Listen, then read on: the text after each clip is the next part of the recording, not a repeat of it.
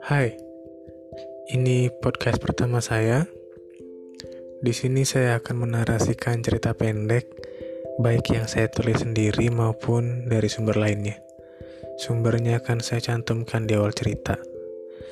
Tujuannya adalah untuk membagi pelajaran dari cerita tersebut.